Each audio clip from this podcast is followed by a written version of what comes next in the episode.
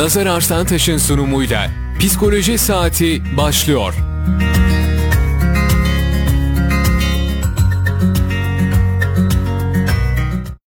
Radyo Radar dinleyicileri ve Kayseri Radar takipçileri Psikoloji Saati programı ile karşınızdayız. Ben program sunucunuz Nazar Arslantaş. Ee, Bugün fobiler ve panik ataktan bahsedeceğiz.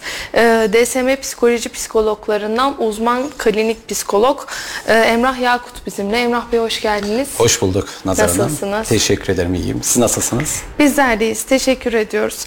Öncelikle e, kliniğiniz e, DSM psikolojiyi tanıyabilir miyiz? Ee, DSM Psikoloji aslında iki aylık bir klinik. Normalde ben İstanbul Nişantaşı'nda aktif olarak danışanlarımı görüyordum. Ama artık e, bu yaz itibariyle belli şartlardan ötürü e, memlekete dönüş sağladık Kayseri'ye.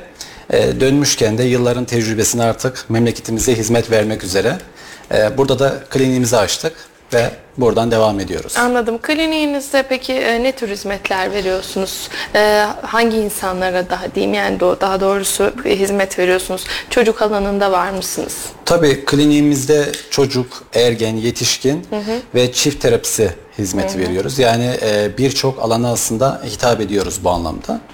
E, ben tabii yetişkin terapisti olarak, e, ergen ve yetişkin terapisti olarak hizmet veriyorum ama kliniğimizde çocuk e, ve çift terapisi olarak da hizmet veriyoruz. E, peki sizlere nasıl ulaşabilirler? Şimdi bunu yayın sonunda tekrar konuşacağız ama e, sizlere nereden ulaşım sağlayabilirler? Şöyle Kayseri Psikoloji.net e, bizim e, web sitemiz. Web site Buradan adresiniz. Tabii ki buradan bize ulaşabilirler. Ee, Instagram'dan, Google'dan DSM Psikoloji e, yazıldığında, Kayseri DSM Psikoloji olarak yazdıklarında Aratıldığında evet. ulaşabilirler. Ya da uzman klinik psikolog Emrah Yakut diye yazdıklarında da aratabilirler, ulaşabilirler kolaylıkla.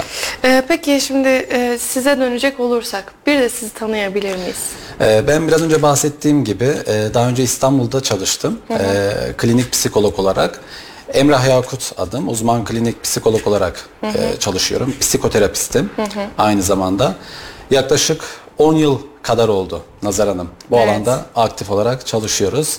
Ee, Artık bundan sonraki rotamız Kayseri. Ee, Buraya hizmet vermeye geldik. Kısaca bu şekilde bahsedebilirim. Evliyim. İki çocuk babasıyım. Allah bağışlasın. Ee, Allah razı olsun. Biraz önce de size bahsettiğim Evet. gibi bir evladım oldu. Yaklaşık bir ay kadar oldu. Ee, aramıza katıldı. Biraz onun tatlı yoğunlukları var diyelim. Hem iş hem o. Umarım birlikte e, güzel uzun ömürleriniz olur. Amin. Allah razı Ee, olsun. şimdi tekrardan konumuza dönecek olursak, e, fobiler ve panik atak. E, panik atak nedir? Öncelikle bununla başlayalım istiyorum. Panik atak e, beklemedik bir şekilde ortaya çıkan bedensel belirtilerle kendini gösteren korku ataklarıdır diyebiliriz aslında kısaca. E, ne gibi bedensel belirtiler?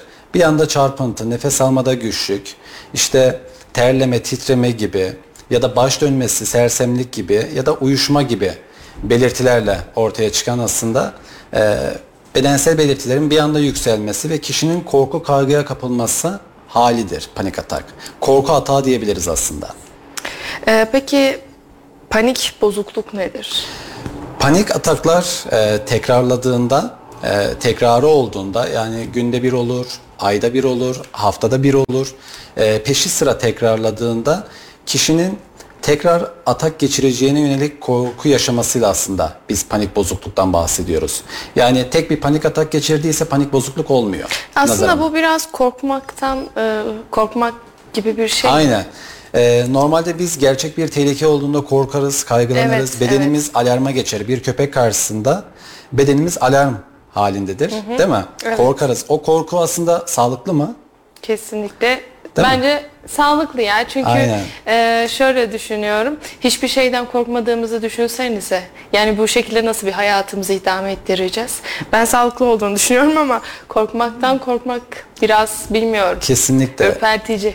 Ee, işte panik atakta nasıl bir durum görüyoruz biz biliyor musunuz? Ee, gerçek olmayan bir tehlikeye yönelik korku kaygı söz konusu. Yani bedenin alarm sistemi bozulduğu için gerçek bir tehlike olmadığında da o belirtiler ortaya çıkmaya başlıyor. Normalde biraz önce bahsettiğim gibi bir köpek karşısında hızlı kalp atımı ya da nefes almada güçlük çok normal çünkü beden bize diyor ki kaç kurtar kendini diyor. evet. Değil mi? Ama panik atakta danışanlarımız şunu söylüyor diyor ki Emrah Bey ben odada oturuyorum film izliyorum bir anda. Bir anda kalbim güm güm güm atmaya başlıyor. Yani durup dururken ortaya çıkıyor. Neden? İşte bu neden biraz daha birazdan üzerinde konuşacağımız e, farklı konulardan kaynaklı. Alarm sistemi bozulduğu için diyebiliriz. E, peki panik atan toplumda görülme sıklığı nedir? Aslında e, toplumumuzda şu an elimizdeki verilere göre yüzde 2 ve 3 e, oranında görülüyor. E, panik atak sıklığını bu şekilde söyleyebiliriz. E, kadınlarda erkeklere göre biraz daha fazla Nazar Hanım. E, bu Kadınlar görüyoruz. biraz daha korkak varlıklar olabilir mi? Ya şöyle söyleyebiliriz, e, korkak demeyelim ama e, şöyle ifade edelim. E, kadınların biraz daha yapıları, genetik yapılarından kaynaklı olabilir. Bu birinci seçenek. İkinci seçenek de şu olabilir. Kadınlar terapiye daha fazla geliyorlar, destek arayışına daha fazla bulunuyorlar. Onların daha fazla geliyor olması böyle bir istatistiği de daha fazla gösteriyor da olabilir. Evet, e, şimdi bence biz kadınlar olarak eğer kendimize bir sorun, bir problem varsa e, bunu kabullenip çözüm arayışına girebiliyoruz. E, bütün erkekler için söylemeyeceğim ama çoğu erkeğimiz maalesef e, kendisinde bir sorun, bir problem olduğunu e, kabullenemiyor bence. Biraz daha sınırlı, evet. Evet. E, peki bunun bir yaş aralığı var mı? Yani şu yaş aralıklarında bunu daha sık görebiliyoruz diyebilir misiniz? Panik atak e, çocuklarda da ender olarak görülse de daha çok e, erken yetişkinlik döneminde 18 yaşından sonra 20'li yaşlarda başlar.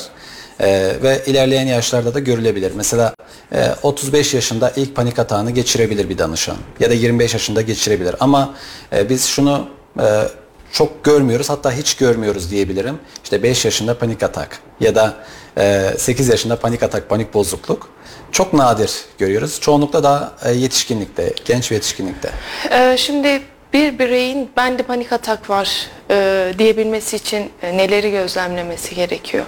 Şöyle aniden ataklar çıkıyorsa bu biraz önce saydığım bedensel belirtiler bir anda beklemedik bir şekilde ortaya çıkıyorsa ve bu sürekli devam ediyorsa, kişi artık bundan korkuyorsa, kaygılanıyorsa beklenti anksiyetesi dediğimiz durum Nazar Hanım. Yani e, atakları bekler hale geldiyse kişi e, bir psikiyatri hekimine gitmesinde fayda var. E, Zaten tanıyı psikiyatristler koyuyor.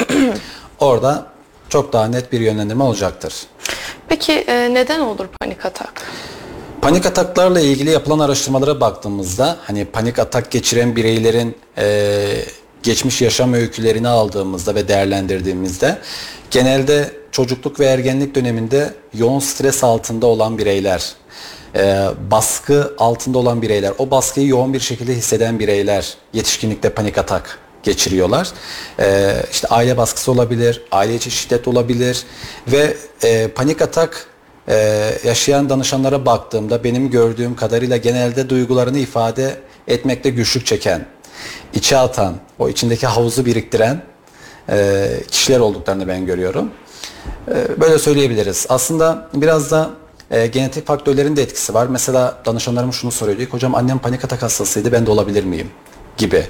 E, kesin bir kıstası yok. Hani genetik faktörler %100 etkilidir diyemeyiz ama ee, sonuçta genetik miras dediğimiz bir faktör var. Onun da belli etkisi var.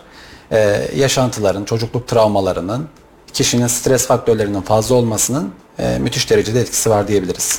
Ee, Emrah Bey şimdi size bir soru sormak istiyorum. Lütfen. Ee, bir dizi seyrettim İncir Ağacı diye belki seyretmişsinizdir siz de bilmiyorum ama. Duydum, evet. Buyurun. Ee, dizide e, şimdi suya girmekten gi- suya girmeye korkan ya da suya dokunmaya korkan bir kadın.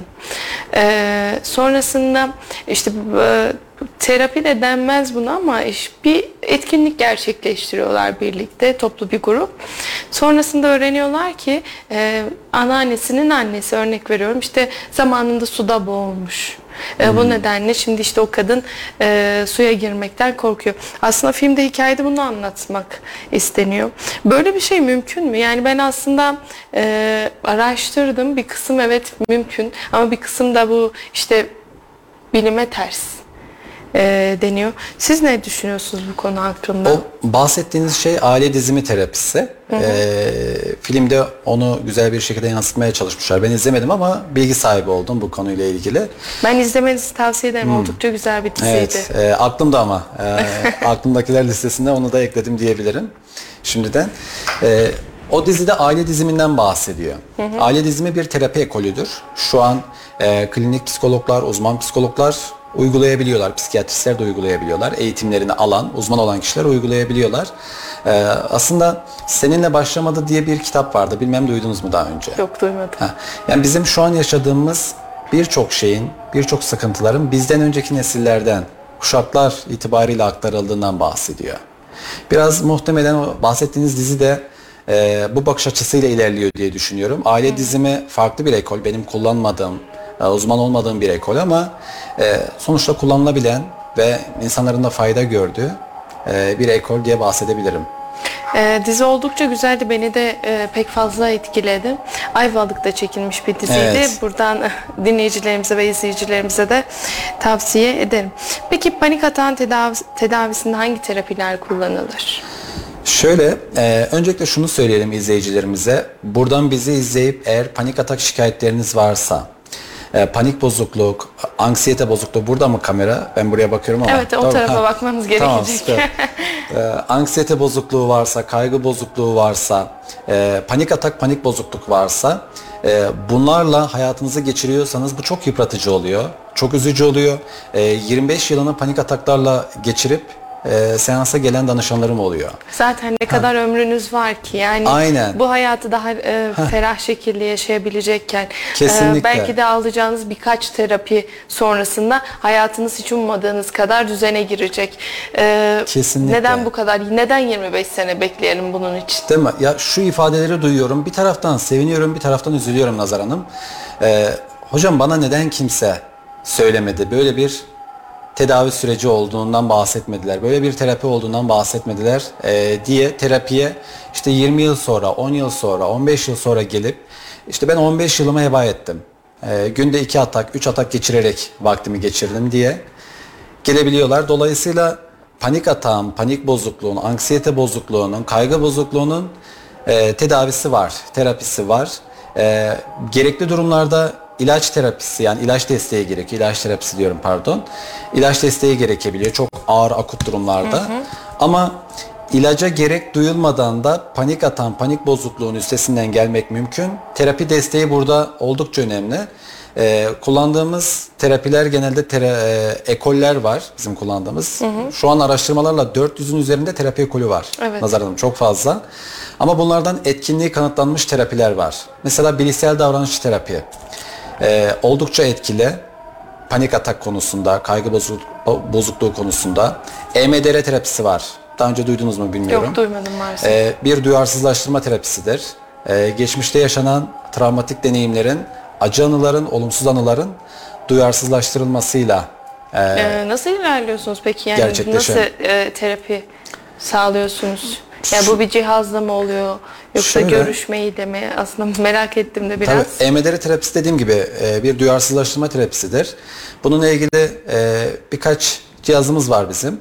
İşitsel uyarıcı olarak sağ ve sol kulağa senkronize seslerin verilmesiyle terapi sürecini ilerletiyoruz. Ya da bazen işitme problemi olan danışanlarımıza iki elden titreşim e, vererek e, yapabiliyoruz. Ya da dokunsal uyarıcı olarak da verebiliyoruz. Aslında EMDR'nin bakış açısı şu bu terapinin Nazar Hanım.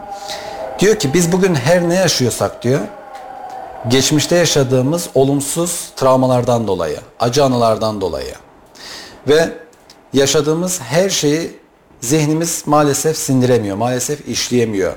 Bir örnek vermek gerekirse yolda yürürken ayağımız takılıp düştüğünde, düştüğümüzde zihnimiz bunu sindirebiliyor, işleyebiliyor. Bunda bir problem yaşamıyor. Ama bazen öyle olaylar yaşıyoruz ki 8 yaşında, 10 yaşında, 12 yaşında mesela bir danışan şunu söylemiş, söylemişti, bir vaka olarak gelmişti. 8 yaşındayken Annem kendine Magnum dondurma almıştı, bana Max dondurma almıştı. Ben kendimi orada çok değersiz hissetmiştim diyor. Değersizliğin tohumunu orada atmış Nazar Hanım. Sonra diyor ki 12 yaşındayken diyor, babam ablamın başını okşuyordu, onu seviyordu diyor. Bak ablamı daha çok seviyor, beni sevmiyor. Ben demek ki değersiz biriyim demeye başladı. Üzerine okul hayatı başlıyor. Okul hayatında da belli başlı sıkıntılar yaşıyor. Sonra evleniyor. Eşi sürpriz yapmıyor. Diyor ki bana sürpriz yapmıyorsa ben değersiz biriyim diyor. Ve bu değersizlik inancı gitgide oturmaya başlıyor. İşte EMDR de o kişinin yanlış kaydettiği o olumsuz anıları duyarsızlaştırıyor. Çift yönlü uyarımlar. Ee, Şimdi e, bu programı birçok kez yaptım ve e, aslında birçoğunda da sorunun aslında e, en küçüklüğümüze, en küçük halimize Evet. e, dayandığını öğrendim, gözlemledim. E, aslında buradan da belki bir tavsiye olur. E, ebeveyn olmak için de aileler e, en azından bir terapi e, ya da bir etkinlik. Yani çocuklara nasıl davranmalıyız? İşte e, bunu sadece çocukluk olarak değil ergenlik döneminde de biliyorsunuz siz de e, aileler ve çocuklar arasında birçok problem sorunlar yaşanıyor. İletişim bozukluğu oluyor. E, bence ailelerde bununla alakalı e, en azından bir e, eğitim mi diyeyim artık bir etkinlik mi diyeyim e, bence katılmalı. Bu arada bir takipçimizden sorumuz var. İyi yayınlar demişler. Teşekkür ediyoruz. Ben kapalı alanlardan korkuyorum ve panik oluyorum. Örnek asansör, tünel gibi. Bu bir fobi mi acaba demiş. Ee, şu an burada hani bir tanı koymak gibi değil ki zaten tanı koyma yetkimiz Evet. yok ama e, katılımcımızın e, yaşadığı durum genelde biz anksiyete yani kaygı durumlarında bunu çok sık görüyoruz. Agorafobi dediğimiz bir durum var Nazar Hanım. Bu panik atağı ya da anksiyete bozukluğuna eşlik eden bir durum. Hani kişi panik atak geçirmek zorunda değil e, bu durumu yaşaması için. Kapalı alan- alanlara girdiğinde, işte kapalı otoparklara girdiğinde ya da e, köprüler, kavşaklar, açık alanlar, pazar yerleri, tüneller, işte asansörler vesaire bu gibi yerlerde kişi orada yardım alamayacağını, e, işte başına bir şey geleceğini, sıkışıp kalacağını ya da e, panik ve benzeri bir şey geçireceğini düşünüyor. Bundan kaynaklı korku, kaygı yaşıyor. Bunu da sıklıkla görüyoruz tabii biz. Tabii ki e, sorunlarına hani bu şekilde hayatına devam etmesini tabii ki de tavsiye etmiyoruz. Elbette. Ve sorununa daha net çözüm bulabilmesi için e, DSM psikoloji e, DSM psikolojiye başvurabilir. Aynı zamanda uzman klinik psikolog e, Emrah Bey'e de e, başvurabilirsiniz. Google ve Instagram'dan aratıldığında rahatlıkla e, bulunabiliyor. Evet. E, şimdi az evvel konuştuk ama tekrardan değinmek istiyorum. İlaçla tedavisi hani e, hastalık biraz daha ilerlemişse mümkün ama e, ilaçsız da tedavi mümkün mü? Çünkü e, toplumda böyle bir e, düşünce var ki ben de bu düşünceye katılanlardan biriyim. E, şimdi psikoloji anlamında kullanılan ilaçların birçoğu hepsi için e, bir şey diyemeyeceğim ama birçoğu işte hormonal e, bozukluklar sağlıyor. İşte e, çok yeme, kilo alma ya da zayıflama gibi.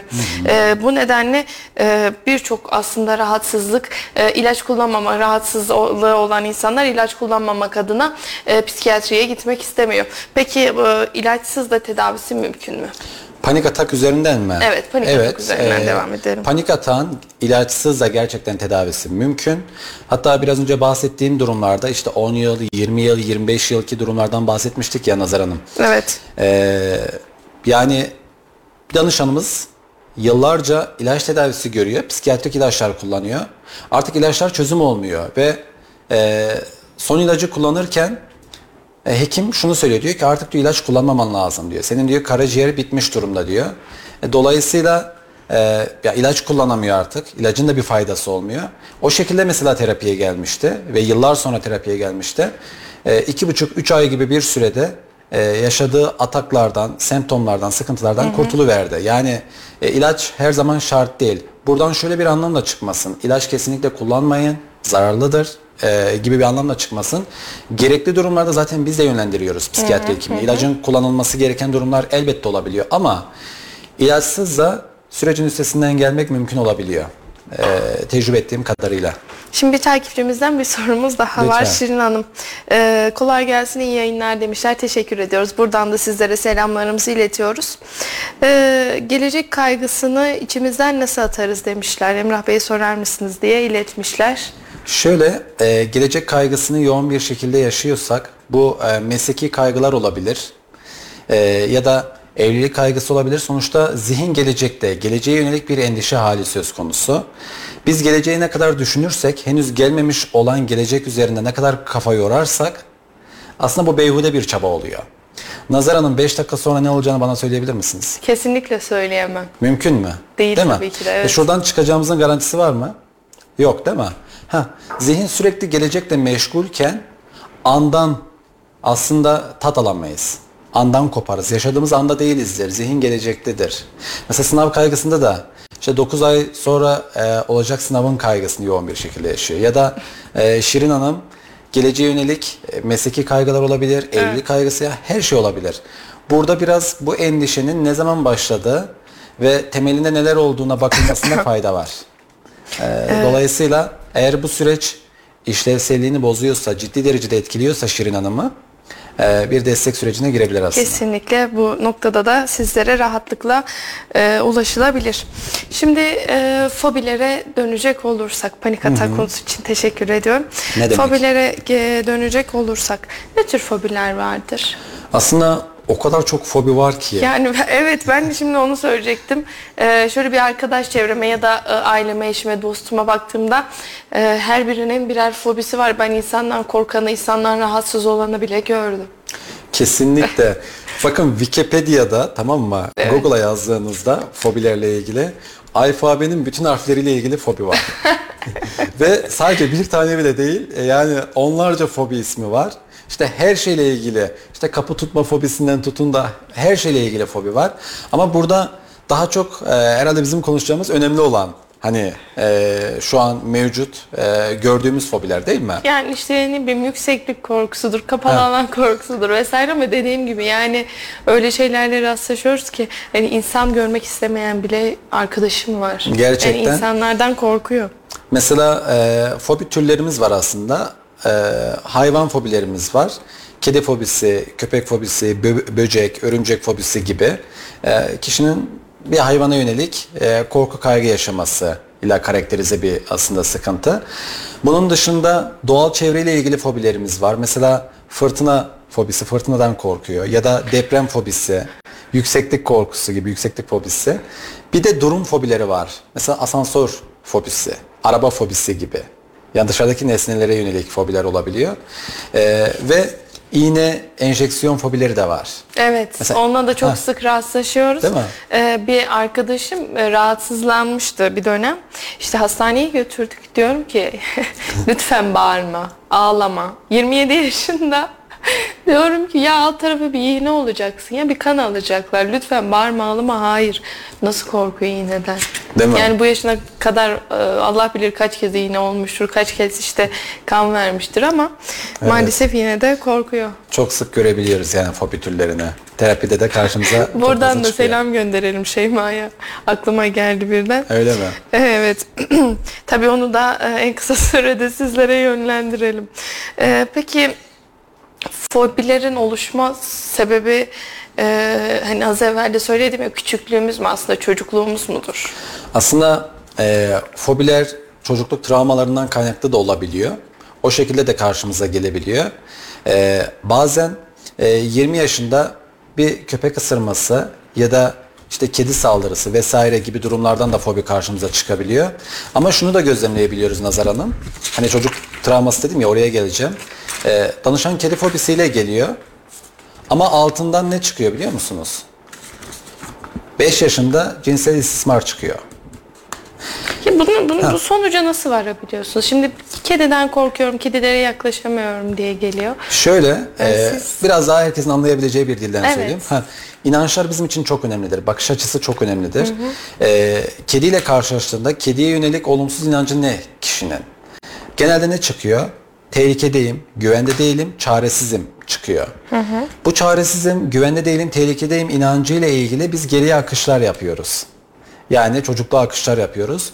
Kendinizi aynen böyle tehlikede hissettiğiniz, güvende hissetmediğiniz hangi anlar geliyor diye danışanlara soruyoruz. Tabii bunu etraflıca yapıyoruz terapi sürecinde. Ee, danışanlarımız kedi dışında da tehlikede hissettikleri, çaresiz hissettikleri anıları çıkarıveriyorlar. Mesela e, o istismar anısı çözüldüğünde kedi fobisi çözülüyor. Yani Ya da şimdi farklı bir anı çözüldüğünde çok özür dilerim fobilere girdik ama aklıma gelmişken söyleyeyim bu da önemli. Panik atak çalışıyoruz. Ee, geçmiş öyküsünde e, 8 yaşındayken babasının yasını tutamama çıkıyor. Babasını kaybediyor beyefendi. Örnek veriyorum. Ee, babasını kaybettiği gün annesi getiriyor diyor ki artık bu evin reisi sensin diye babasının koltuğuna herkesin içinde 8 yaşındaki çocuğu oturtuyor. hayatın sorumluluğunu, yükünü 8 yaşındaki bir çocuğun aslında omzuna yüklüyor orada. Ne demiştim? Evet. Panik atakla baskı hisleri, stres çok önemlidir demiştim ya. İşte oradaki yaz ve o baskı çözüldüğünde, terapide biz orayı çözdüğümüzde panik ataklar gidiyor. Ya da istismar çözüldüğünde, ba- bazı şeyler, travmalar çözüldüğünde kedi fobisi ya da köpek fobisi düzelebiliyor. Ee, biraz bunlarla ilişkili diyebilirim. Ee, peki fobilerin tedavisini e, nasıl sağlıyorsunuz? Yani gerçekten de e, bir insanın yükseklik fobisi yani yüksek korkusu var diyelim. E, bunun üzerinden nasıl geliyorsunuz? Bunun için neler kullanıyorsunuz? Aslında e, bunun için terapi ekollerinin yaklaşımları farklı. Her terapi ekolünün. Biraz önce EMDR terapisinden bahsettim. Duyarsızlaştırma Evet, evet. terapisi. O biraz geçmişle ilgileniyor. Geçmiş yaşantıya odaklı bir e, bakış açısı var. E, bir de bilişsel davranış terapi var. Mesela benim kullandığım ekollerden bir tanesi. Onun da e, adı üstünde bilişsel ve davranışçı terapi. Önce bilişlerimizle yani düşüncelerimizle çalışıyoruz. İşte yüksekliğe yönelik korku kaygılarını çözümlüyoruz. Daha sonra davranışsal müdahale yani uygulamalar yapıyoruz. O uygulamalarla tabiri caizse maruz bırakma uygulamalarıyla kişi artık o korku kaygısını yavaşça aşmaya başlıyor.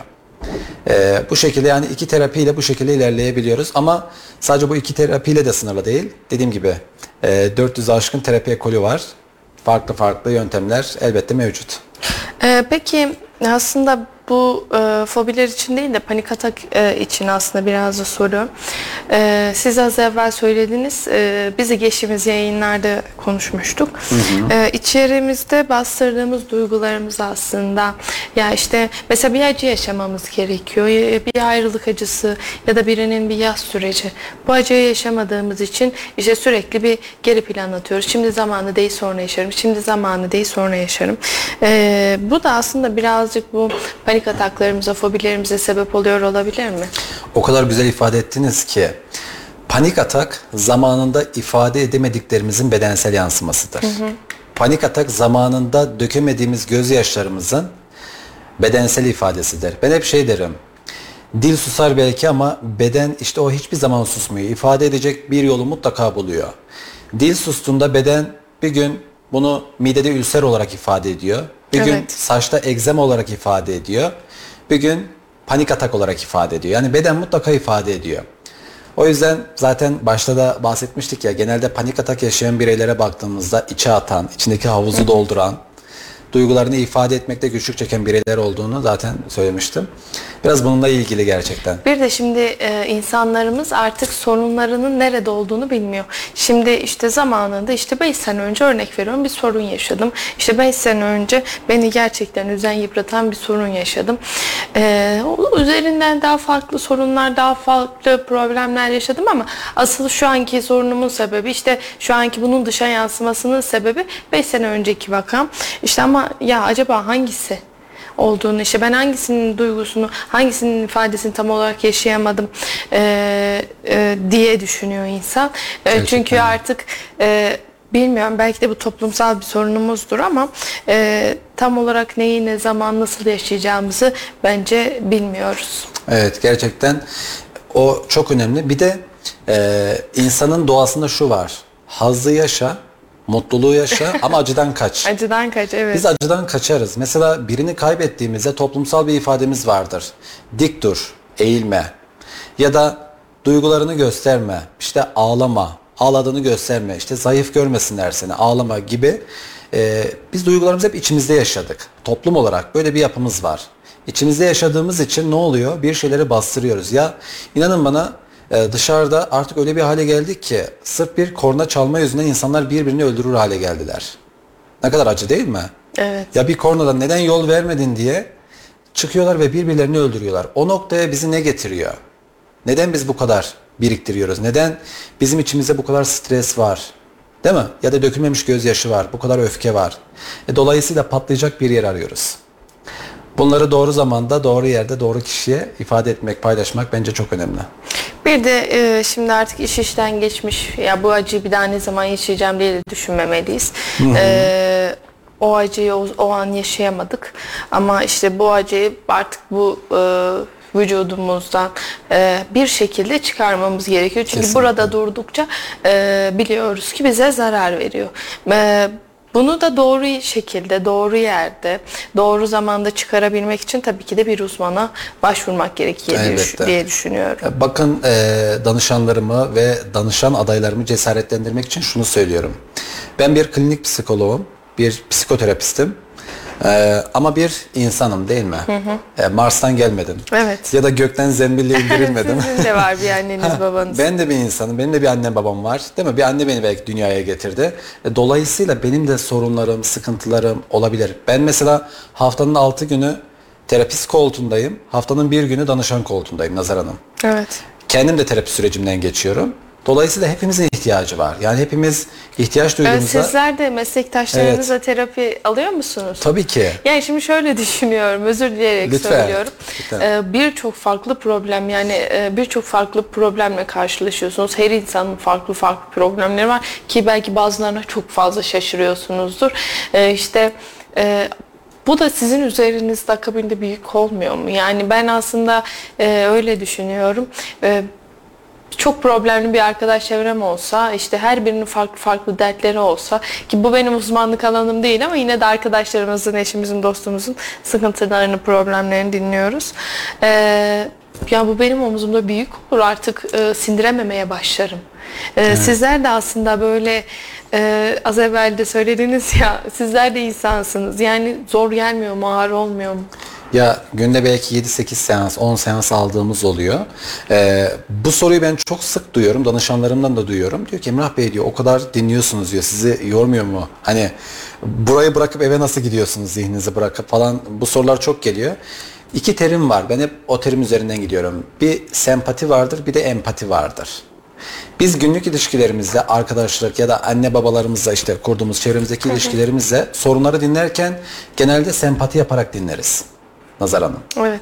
Terapide biz sadece empati yaparak dinliyoruz. Eğer sempati yaparak dinlersek e, danışanla beraber o sorunla dertleşip belki biz de ağlarsak, biz de o soruna detaylı bir şekilde girersek profesyonel yaklaşmamız olu- yaklaşmamış oluruz ve o sorunu çözemeyiz. Zaten bildiğim kadari- kadarıyla eşinize, dostunuza tanıdığınız birine terapi Evet. e, seans veremiyorsunuz. Veremiyoruz kesinlikle. Yani orada danışanın kendini güvende hissetmesi e, gerekiyor, rahat hissetmesi gerekiyor, şeffaf bir şekilde duygularını paylaşabileceği bir ortamın olması gerekiyor. E, bir yakınınız belki her şeyi paylaşmak istemeye istemeyebilir. E, bizim mesela bu eğitimleri alırken hocalarımız bize şey söylerlerdi. İşte yakına neden terapi yapamıyoruz falan dediğimizde aranızın bozulmasını istemiyorsanız işte Yapmayın. Aynen. Ve bütün e, özelini hani bütün duygularını paylaşacak ki ona yardımcı olabileceksiniz. Ama burada bütün duygularını, her şeyini paylaşacak ama dışarıda beraber işte kafede oturacaksınız, vakit geçireceksiniz ya da ortak arkadaşlarınız olacak. Dolayısıyla yakına terapi olmuyor. E, profesyonel bir yaklaşım olmuyor yakına terapide. E, peki e, son olarak e, danışanlarımız böyle şimdi ben de e, birçok terapi aldım. Çünkü e, insanlar bir şeylerini anlattıkça e, rahatladığını düşünüyorum. Ben de bunlardan biriyim. Evet. Yani illa bir problem, bir sorunum, ya bende şu var, ya ben panik atağım ya da ben e, fobim var vesaire diye değil ama e, ya hani böyle bir problemim var. Kimseyle de paylaşamıyorum. Acaba anlasam hani farklı bir bakış açısından e, görmemi sağlayabilir mi diye düşünerekten e, ilk terapimi almıştım Çok mesela. güzel.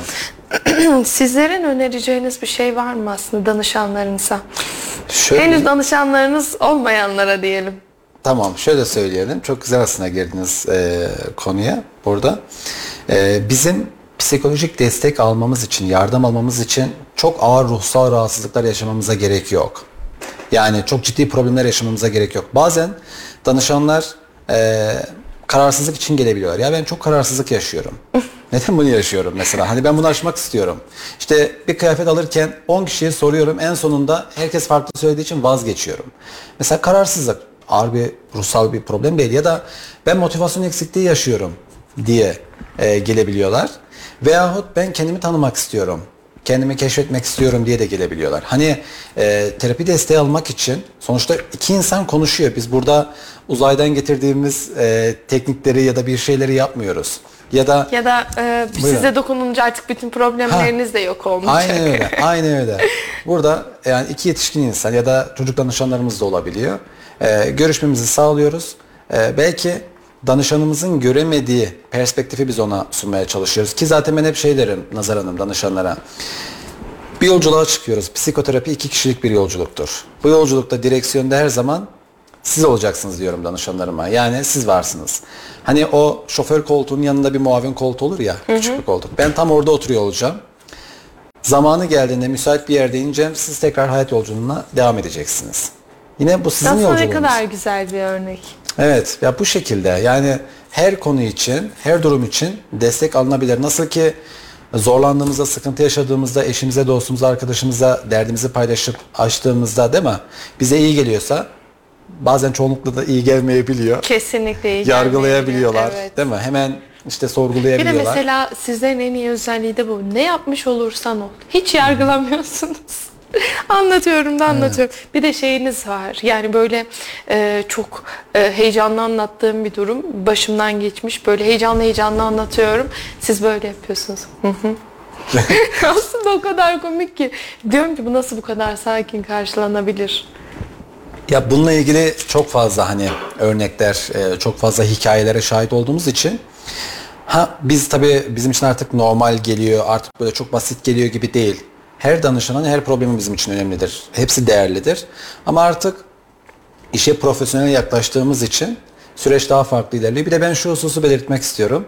Ee, genelde psikologlara yönelik algı, e, klinik psikologlara, işte psikoterapi desteğine yönelik algı çocuklar duymasındaki Sinan Bey'in e, yaklaşımıyla biraz sadece sanki anlıyorum. E, işte biz hiç konuşmuyoruz, biz sadece dinliyoruz. İnsanlar bize sadece derdini anlatıyor ve gidiyorlar. E, böyle bir e, durum gibi değerlendiriliyor. Hiç alakası yok. Tabii ki de danışanlarımız geliyorlar, duygularını, düşüncelerini paylaşıyorlar, ifade ediyorlar. Onun zaten iyileştirici ve rahatlatıcı etkisi var. Ama bizim e, profesyonel bir yaklaşımla gerekli yöntem ve teknikleri uyguladığımız bir süreç var. Ee, kesinlikle katılıyorum. Şimdi biriyle bir problem yaşıyorum. İşte bu annem olabilir, babam olabilir, kardeşim olabilir, erkek arkadaşım olabilir.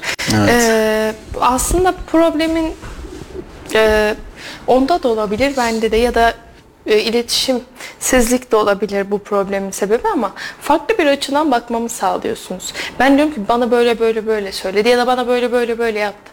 Ee, neden yaptın hiç düşündün mü diyor. Mesela hiç düşünmemiş oluyorum neden yaptığını. Ee, ya da e, bu taraftan bakıyorum ama bu taraftan hiç baktın mı diyor. Evet. Ya da onun tarafından hiç baktın mı diyor. O kadar e, rahatlatıyor ki aslında bu terapiler. E, bir de mesela bunlar benim anlattıklarım sadece böyle yüzeysel. E, daha farklı tabii ki de terapi yöntemleriniz Evet. var. Evet evet elbette. E, peki eklemek istediğiniz başka bir şey var mıydı? Ee, şöyle söyleyelim, geçmişin yüklerini bugün hala taşımak zorunda değiliz. Bu hepimiz için geçerli. Ee, çocukluk travmaları, geçmiş yaşantılar, olumsuz deneyimler, hepimiz bir şeyleri yaşadık. Kimilerini aştık, kimilerini aştığımızı varsaydık, kimilerini aşamadık. Birçoğunun belki farkındayız, birçoğunun hiç farkında değiliz. Ama geçmiş e, işlenmediğinde, geçmiş sağlıklı bir şekilde çözülmediğinde e, bizi etkilemeye devam edecek, bizi rahatsız etmeye devam edecek. Çünkü e, bir şekilde çözmemiz gerekiyor, bir şekilde üstesinden gelmemiz gerekiyor. Evet. Ya biz e, dişimiz ağrıdığında hemen bir diş hekimine kolaylıkla gidebiliyoruz, tedavimizi yaptırabiliyoruz. Ama beynimiz de bir organ. Neden onun hakkına giriyoruz?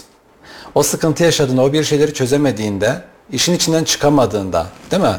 Çok fazla sorumluluğu yüklendiğinde ve altında ezildiğinde, çökünlük hissettiğinde e, destek almak bence çok önemli, çok kıymetli. E, Ya aslında bu bence kendimize yapabileceğimiz en güzel yatırımlardan bir tanesi. Evet. E, çünkü mutlu olmak, mutlu olmayı öğreniyoruz. Bir şeylerden memnun olmayı öğreniyoruz belki de ya da hayatımızı daha rahat, daha refah şekilde idame ettirmeyi öğreniyoruz diye düşünüyorum. Gerçekten öyle. Bakın ben dedim ya kendimle terapi alıyorum. Haftanın 6 günü terapist, bir günü danışan koltuğundayım.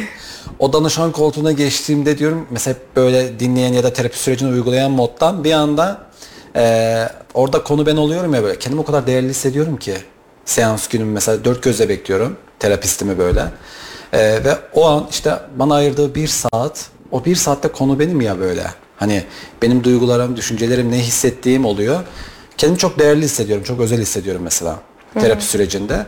E, dolayısıyla e, çok ağır bir durum yaşamamıza gerek yok. E, herkes bu süreçten bence faydalanmalı diye düşünüyorum. Ben de e, bir de şeyi düşünüyorum mesela. Tabii ki de yani böyle e, hep güllük gülistanlık bir e, ev hiç görmedim ben. Bilmiyorum böyle bir. Evet. Tabii ki de her birimizin evinde zaman zaman annemizle, babamızla, kardeşimizle, eşimizle, çocuklarımızla sorun yaşıyoruz. E, ama böyle e, sorun kaynağını aramak yerine bence böyle bir herkes bir seansa gitseniz. E, işte çözüm arayış yani çözüm arayışı içerisine girseniz sorun işte benim sorunum çocuğum, benim sorunum annem, benim sorunum işte eşim, benim sorunum kızım. Bunun yerine işte hani böyle böyle evimizde bir anlaşmazlık var ya da e, biz sürekli bu konuda bir anlaşmazlık yaşıyoruz. E, bence e, haneler içerisinde de e, terapi alınmalı diye düşünüyorum. Gerçekten herkesin ihtiyacı var. Bir de şey var, e, bilmiyorum vaktimiz var mı ama Var, var, buyurun. eklemek istiyorum ben. Genelde çok sık soru geldiği için işte ben psikoloğa gidersem bu sicilime işler mi? İleride memur olabilir miyim? Ya da sorun teşkil eder mi? E, gibi korku kaygılar yaşadıkları için e, danışanlar destek arayışında bulunmuyorlar. Mesela panik atak yaşıyor 20 yıldır diyelim. Ama sırf bundan korktuğu için destek arayışında bulunmuyor. Bakın e, psikologların, klinik psikologların, özelde hizmet veren uzmanların e, bir e-devlet sistemi, veri tabanı, resmi bir veri tabanı yok. Evet. Bizim kaydettiğimiz bir resmi veri tabanı yok.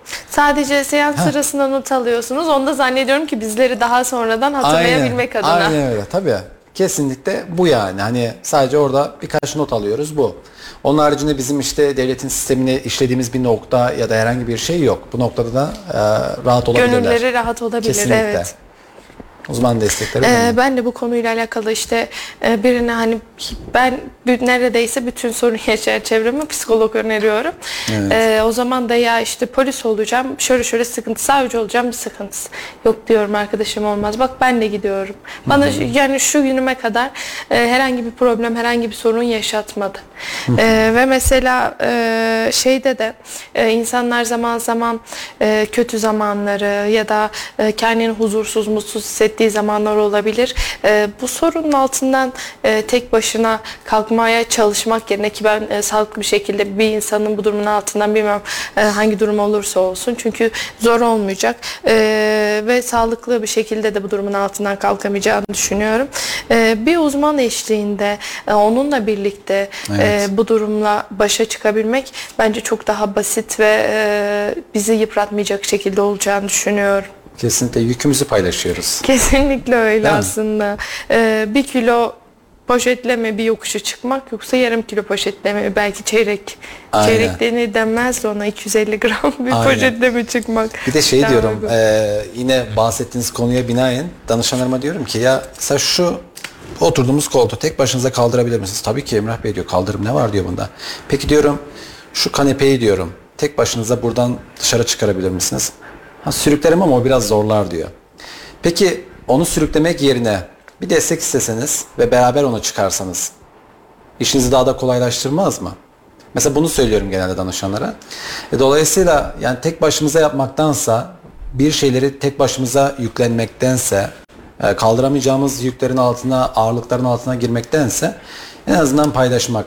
Bunu çevremizdeki insanlarla paylaşabiliriz. Bulunduğumuz ilde e, yani uzman araştırabilir, uzmanlara gidebiliriz, destek alabiliriz. Bu bence çok insani, çok da normal bir durum artık. Ee, teşekkür ediyorum tekrardan. Rica ederim, Ee, şimdi son kez sizlere e, nasıl ulaşabilecekleri hakkında e, bir bilgi verir misiniz? Şöyle herhalde telefon e, bilgisi paylaşamıyoruz ama E, problem değil, telefon bilgisi de paylaşabilirsiniz. Öyle mi? Belki altyazı geçebilirsiniz telefon bilgisi. E, şu an Ha, e, oluyor mu? rejiden çok mümkün olmayabilir ama Olur mu? Tamam şöyle yapalım. Tamam.